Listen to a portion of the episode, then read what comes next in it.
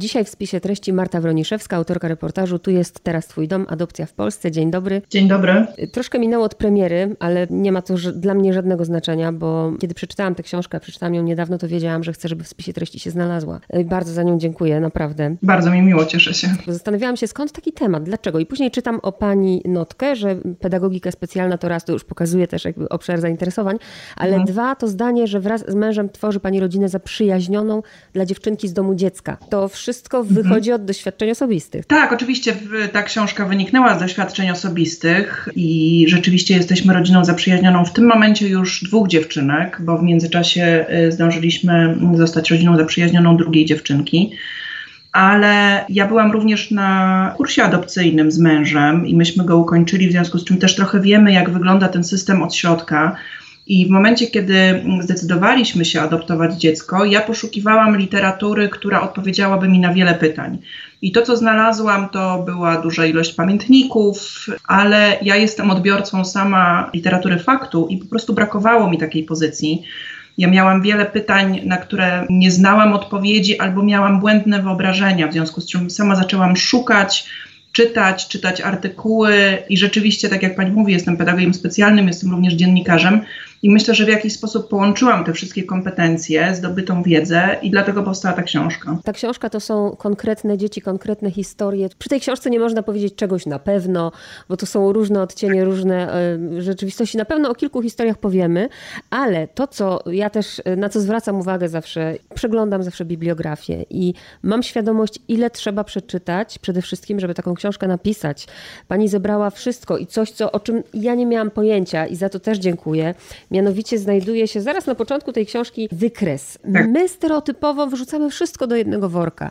Rodzina tak. adopcyjna, rodzina zastępcza. Pani pokazuje, jakie to jest dla laika skomplikowane. Tak, rzeczywiście ja sama te pojęcia również myliłam, e, dlatego zdecydowałam się na umieszczenie tego schematu na początku, żeby to wytłumaczyć. Ja bardzo żałuję, że nie znalazło się w tytule książki piecza zastępcza, natomiast myśmy się zastanawiali z wydawnictwem i uznaliśmy, że to nie ma sensu, dlatego że po prostu nikt tego terminu, on jest w pewnym sensie bardzo techniczny i niewiele mówiący, a adopcja jest takim hasłem wytrychem, który nakieruje czytelnika na to, co znajdzie w środku w tej książce. Natomiast wydaje mi się, że też uczciwie po prostu trzeba wprowadzić w meandry tej y, skomplikowanej struktury y, czytelnika, zanim otworzy książkę, żeby po prostu wiedział, jaka jest różnica pomiędzy adopcją a pieczą zastępczą że piecza zastępcza to są domy dziecka i rodziny zastępcze, a adopcja to jest po prostu danie i stworzenie nowego domu, czyli w tej sytuacji e, związek prawny z rodzicami biologicznymi ustaje,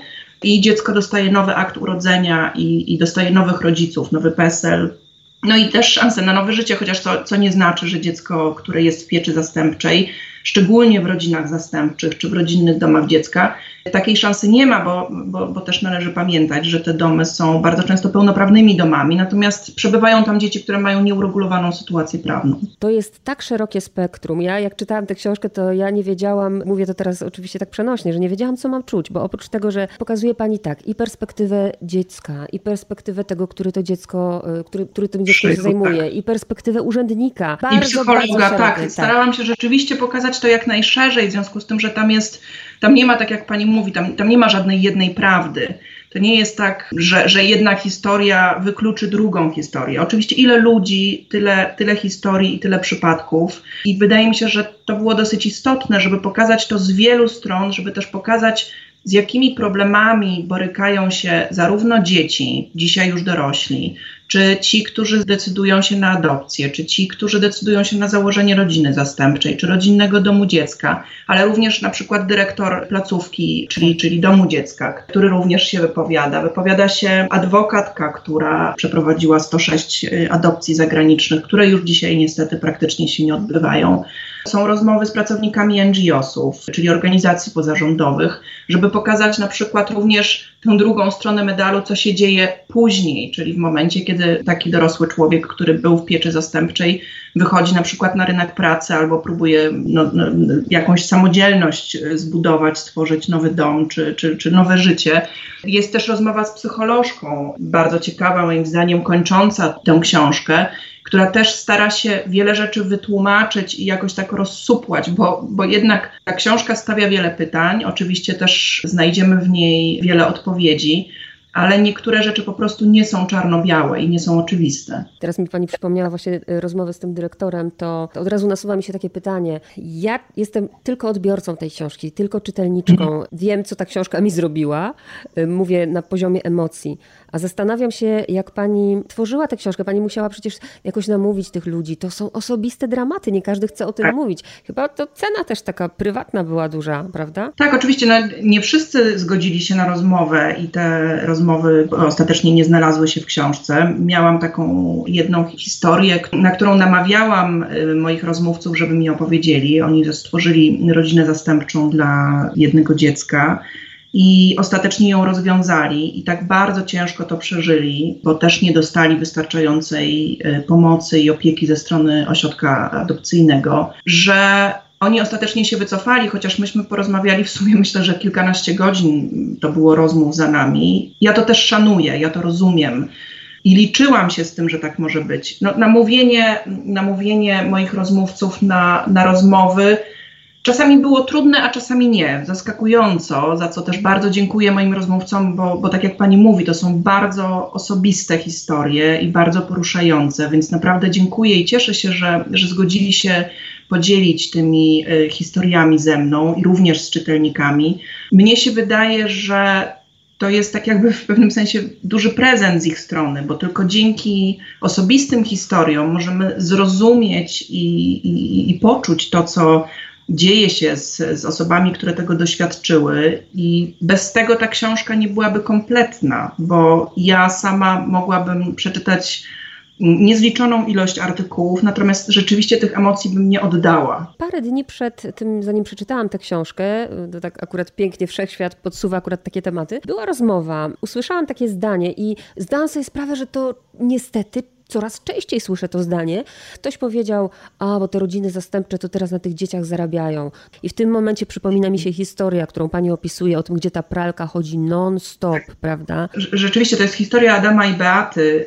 Ja sama również trafiałam na tego typu mm, komentarze i one są dla mnie bardzo bulwersujące i bardzo niesprawiedliwe dla tych rodzin zastępczych, bo pamiętajmy, że te rodziny zastępcze pełnią po prostu służebną funkcję względem rodzin biologicznych i to są po prostu ludzie, którzy przejmują na siebie rolę rodzica, który jest niewydolny wychowawczo, albo uzależniony, albo, albo chory, albo dotknięty bezdomnością.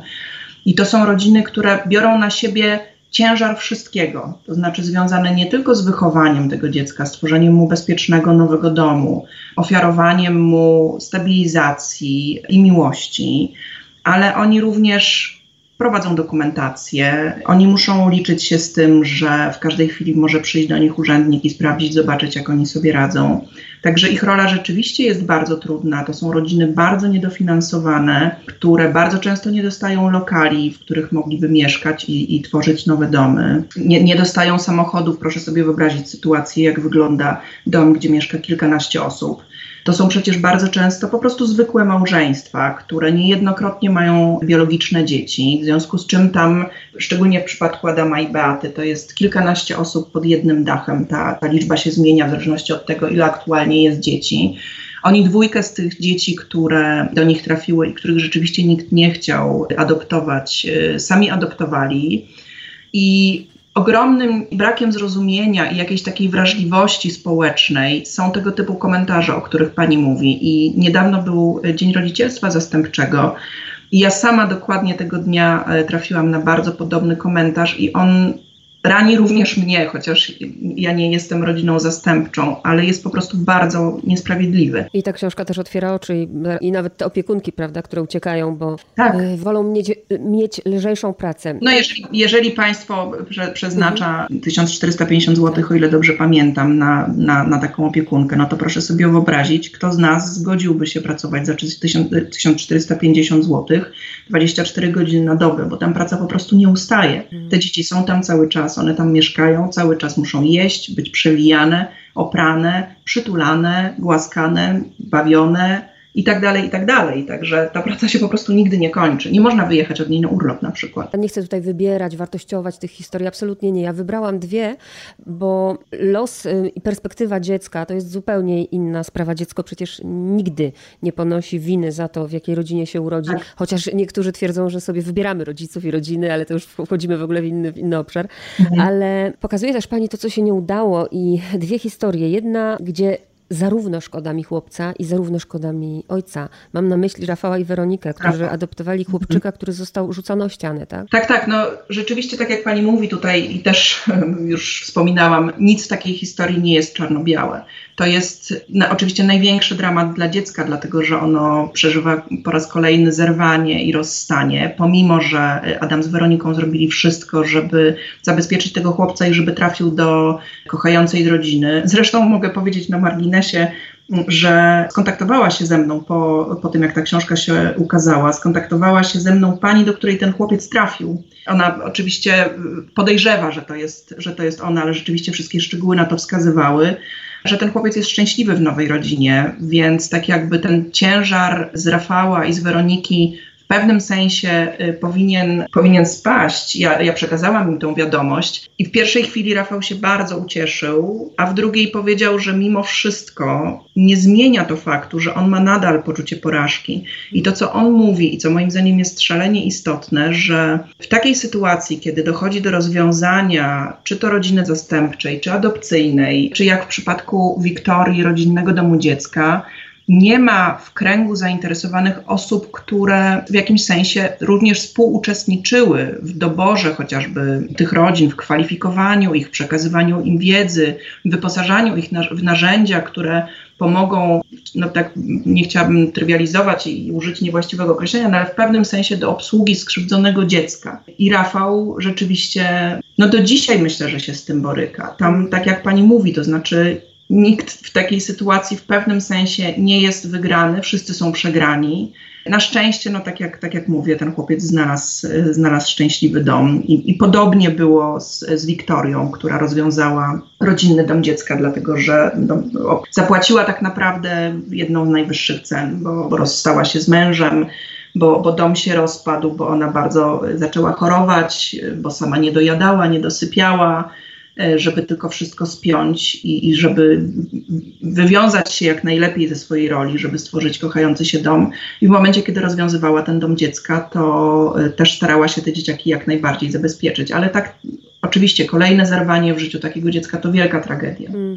Ja myślę, że nikomu, kto przeczyta tę książkę, nie przyjdzie do głowy, przynajmniej nie chciałabym, żeby przyszło do głowy właśnie stawianie diagnozy i wyrokowanie. Zadałam sobie takie pytanie przy, przy historii, która mnie też bardzo poruszyła. To była historia Zofii i Jana, y, którzy adoptowali dziewczynki. Te dziewczynki były bardzo małe, prawda? Ale nie wiem, ile one tam miały, jak oni adoptowali, nie pamiętam. Chyba 4 i 5 mniej więcej. To była rodzina zastępcza ostatecznie. Oni nie tak. adoptowali tak. tych dziewczynek ze względów formalnych, bo się okazało, że te dziewczynki zbyt długo miały niewyjaśnioną sytuację, prawną. Mhm. I oni ostatecznie poprzestali na tej, na tej formule pieczy zastępczej, rodzin, y, bycia rodziną zastępczą, bo dla nich to nic nie zmieniało. Oni mm -hmm. tak jakby od początku traktowali te dziewczynki jako swoje córki. Tylko co się okazuje, nie? to jest też takie, ja wiem, że nie mogę absolutnie generalizować, bo tak jak mówimy, każdy przypadek jest inny, ale okazuje się, że jak jednak bardzo ważne jest te, są te pierwsze lata, te pierwsze miesiące naszego życia. Przecież ci rodzice zrobili wszystko, co mogli, a córki tak jakby miały, prawda, zakodowane już. Dzieci po prostu nasiąkają oczywiście tym domem rodzinnym, domem biologicznym. Nie da się tego wykasować. Te pierwsze lata życia są, są szalenie istotne dla rozwoju y, emocjonalnego, dla rozwoju psychicznego. Dziecko nawet, tak jak mówi, y, mówi też Dominika, psycholożka, z którą rozmowa kończy książkę, że nawet ciąża pełna stresu już wpływa w jakiś sposób destabilizująco na, na dziecko i może wpłynąć na przyszłość, na jego życie i na jego prawidłowy rozwój, bądź też go zaburzyć. No w przypadku Zofii i Jana to rzeczywiście jest wielki dramat, ale z drugiej strony być może nie, bo oni do dzisiaj utrzymują kontakt ze swoimi niecórkami, bo, bo, bo ta rodzina została rozwiązana. Oni wychowują swoich niewnuków, no bo to nie, nie, ma w zasadzie odpowiednika, nie, nie ma takiej funkcji, tak, rozwiązana rodzina, a oni wciąż tymi rodzicami i, i dziadkami się czują.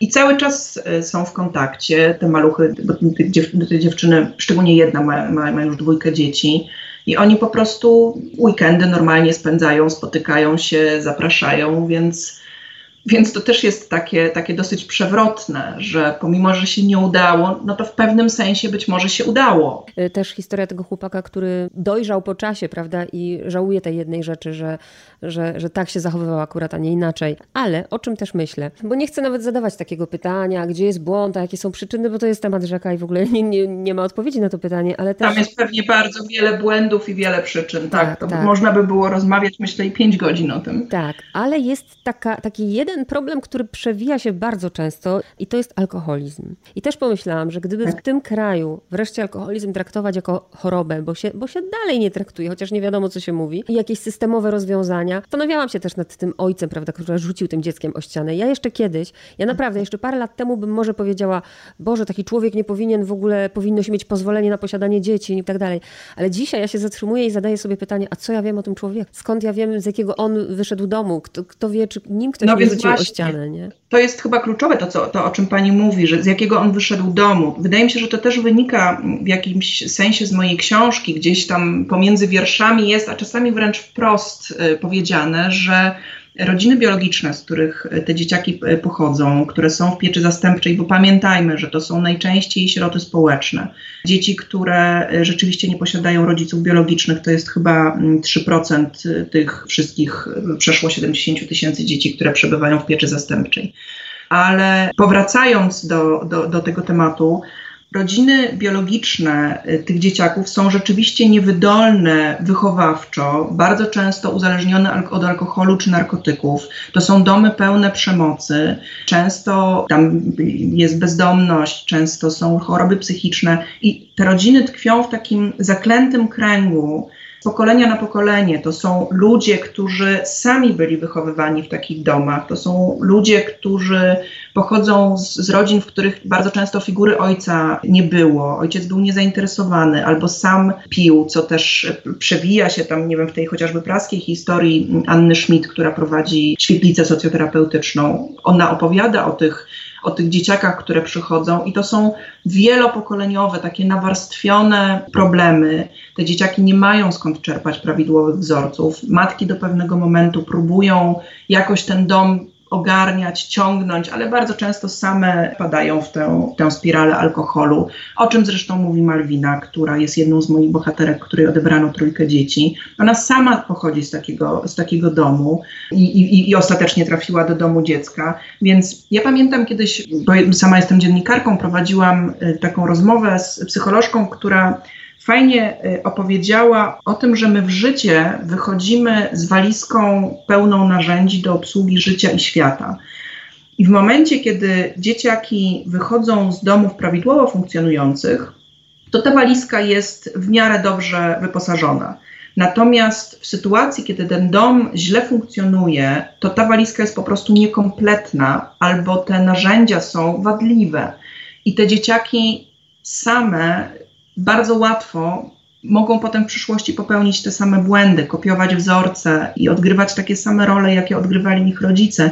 Dlatego to, co mówi Dominika, pani psycholog, mówi, że bardzo istotne jest, żeby obejmować te rodziny opieką dużo, dużo wcześniej. Nie w sytuacji, kiedy tam pojawia się dziecko i widać, że jest alkohol, ale jeszcze wcześniej. Być może na etapie, kiedy para się, się, się łączy i wiadomo, że kiedyś w przyszłości będą mieli dziecko, a być może, tak jak ona mówi, jeszcze wcześniej, kiedy mamy dzie dziecko już zabrane y, z domu biologicznego, to wiemy, że jest dużo większa szansa, że ono ma dużo większą szansę popełnienia tych samych błędów, w związku z czym już je na tak wczesnym etapie dzieciństwa należałoby być może obejmować właśnie bardzo dużą uważnością i opieką. Czyli sfokusować się na tym dziecku, zresztą to, co, to, co mnie wychodzi w ogóle po, po napisaniu tej książki, mm, jest jednym z największych problemów całej związany z, z pieczą zastępczą w Polsce, to jest to, że fokus w całym systemie nie jest ustawionym na dziecko. Bardzo często my myślimy o dorosłych, właśnie myślimy o rodzicach, z których to dziecko zostało odebrane. Często uważamy, że y, odebranie mm, dziecka z domu biologicznego to jest jakaś forma represji w stosunku do rodzica biologicznego, a nie myślimy o tym, że jest to ten moment, kiedy nie występujemy przeciwko rodzicowi biologicznemu, tylko jesteśmy za czymś innym, jesteśmy za życiem i bezpieczeństwem, bo tylko w takich sytuacjach dzieci są odbierane z domów biologicznych i jednak nie są odbierane z powodu biedy. W takich sytuacjach trzeba myśleć o dziecku, tak? To nie jest przeciwko rodzicowi, a za czymś innym. I tam należy tą całą uwagę naszą jeżeli mamy naprawiać cokolwiek w tym systemie, przekierować rzeczywiście na dziecko i zacząć je traktować podmiotowo, a nie przedmiotowo. Jak czytam taką książkę, to jest cudowne, że pokazuje Pani problem i ci, którzy mam nadzieję no, przeczytają tę książkę, bo jak najwięcej ludzi e, sobie też zadało różne pytania. Nie chcę też powiedzieć, że nie ma nadziei, nie ma rozwiązania, że wiadomo, że tutaj to systemowo by trzeba było wszystko rozwiązać, a później zadaje sobie pytanie, no przecież ja nie, nie zmienimy całego świata, każdy może ten własny ogródeczek uprawiać. Pani mm. pisząc tę książkę właśnie mm, domyślam się, nie chciała, to jest niemożliwe, zmienić mm, czegoś, co na wielu poziomach trzeba by było zmienić, ale misja stała y, za tym taka, żeby. No tak, tam była misja i ona mi się krystalizowała coraz bardziej, im bardziej brnęłam w temat, im, im, im ta książka była bardziej kompletna, a ja słyszałam kolejne historie moich bohaterów. Znaczy, mnie się w ogóle marzy, żebyśmy usiedli do jakiegoś okrągłego stołu, bo to, co ja zrobiłam, to jest taki rodzaj, powiedzmy, konsultacji społecznych gdzie mamy różne pytania, czasami, czasami odpowiedzi, i teraz możemy się zastanawiać, przyglądać się temu, co działa i co nie działa. Jest wiele osób za, za, zaangażowanych w temat, które do takiego okrągłego stołu myślę, że chętnie by usiadły, żeby wypracować nowe, nowe struktury, nowe schematy, być może nową ustawę.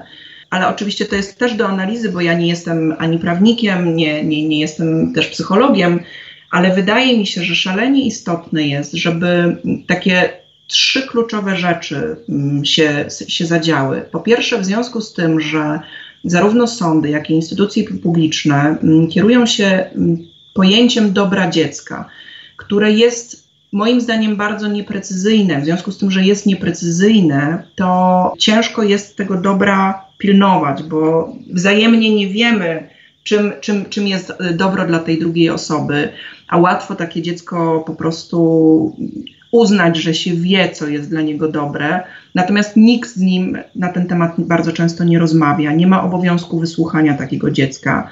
W związku z czym, jeżeli byśmy doprecyzowali to, to pojęcie dobro, jeżeli byśmy ustanowili jakąś funkcję być może adwokata dziecka, który by tego dobra pilnował i, i, zabezpieczał, żeby był obowiązek właśnie wysłuchania dziecka przed sądem. I to, co mi się wydaje trzecie szalenie istotne, to jest rozwój y, rodzinnej pieczy zastępczej, żeby dzieci miały jak największe szanse wychowywać się w środowisku rodzinnym, bo pomimo, że w placówkach bardzo często są sympatyczni, mili, ciepli wychowawcy.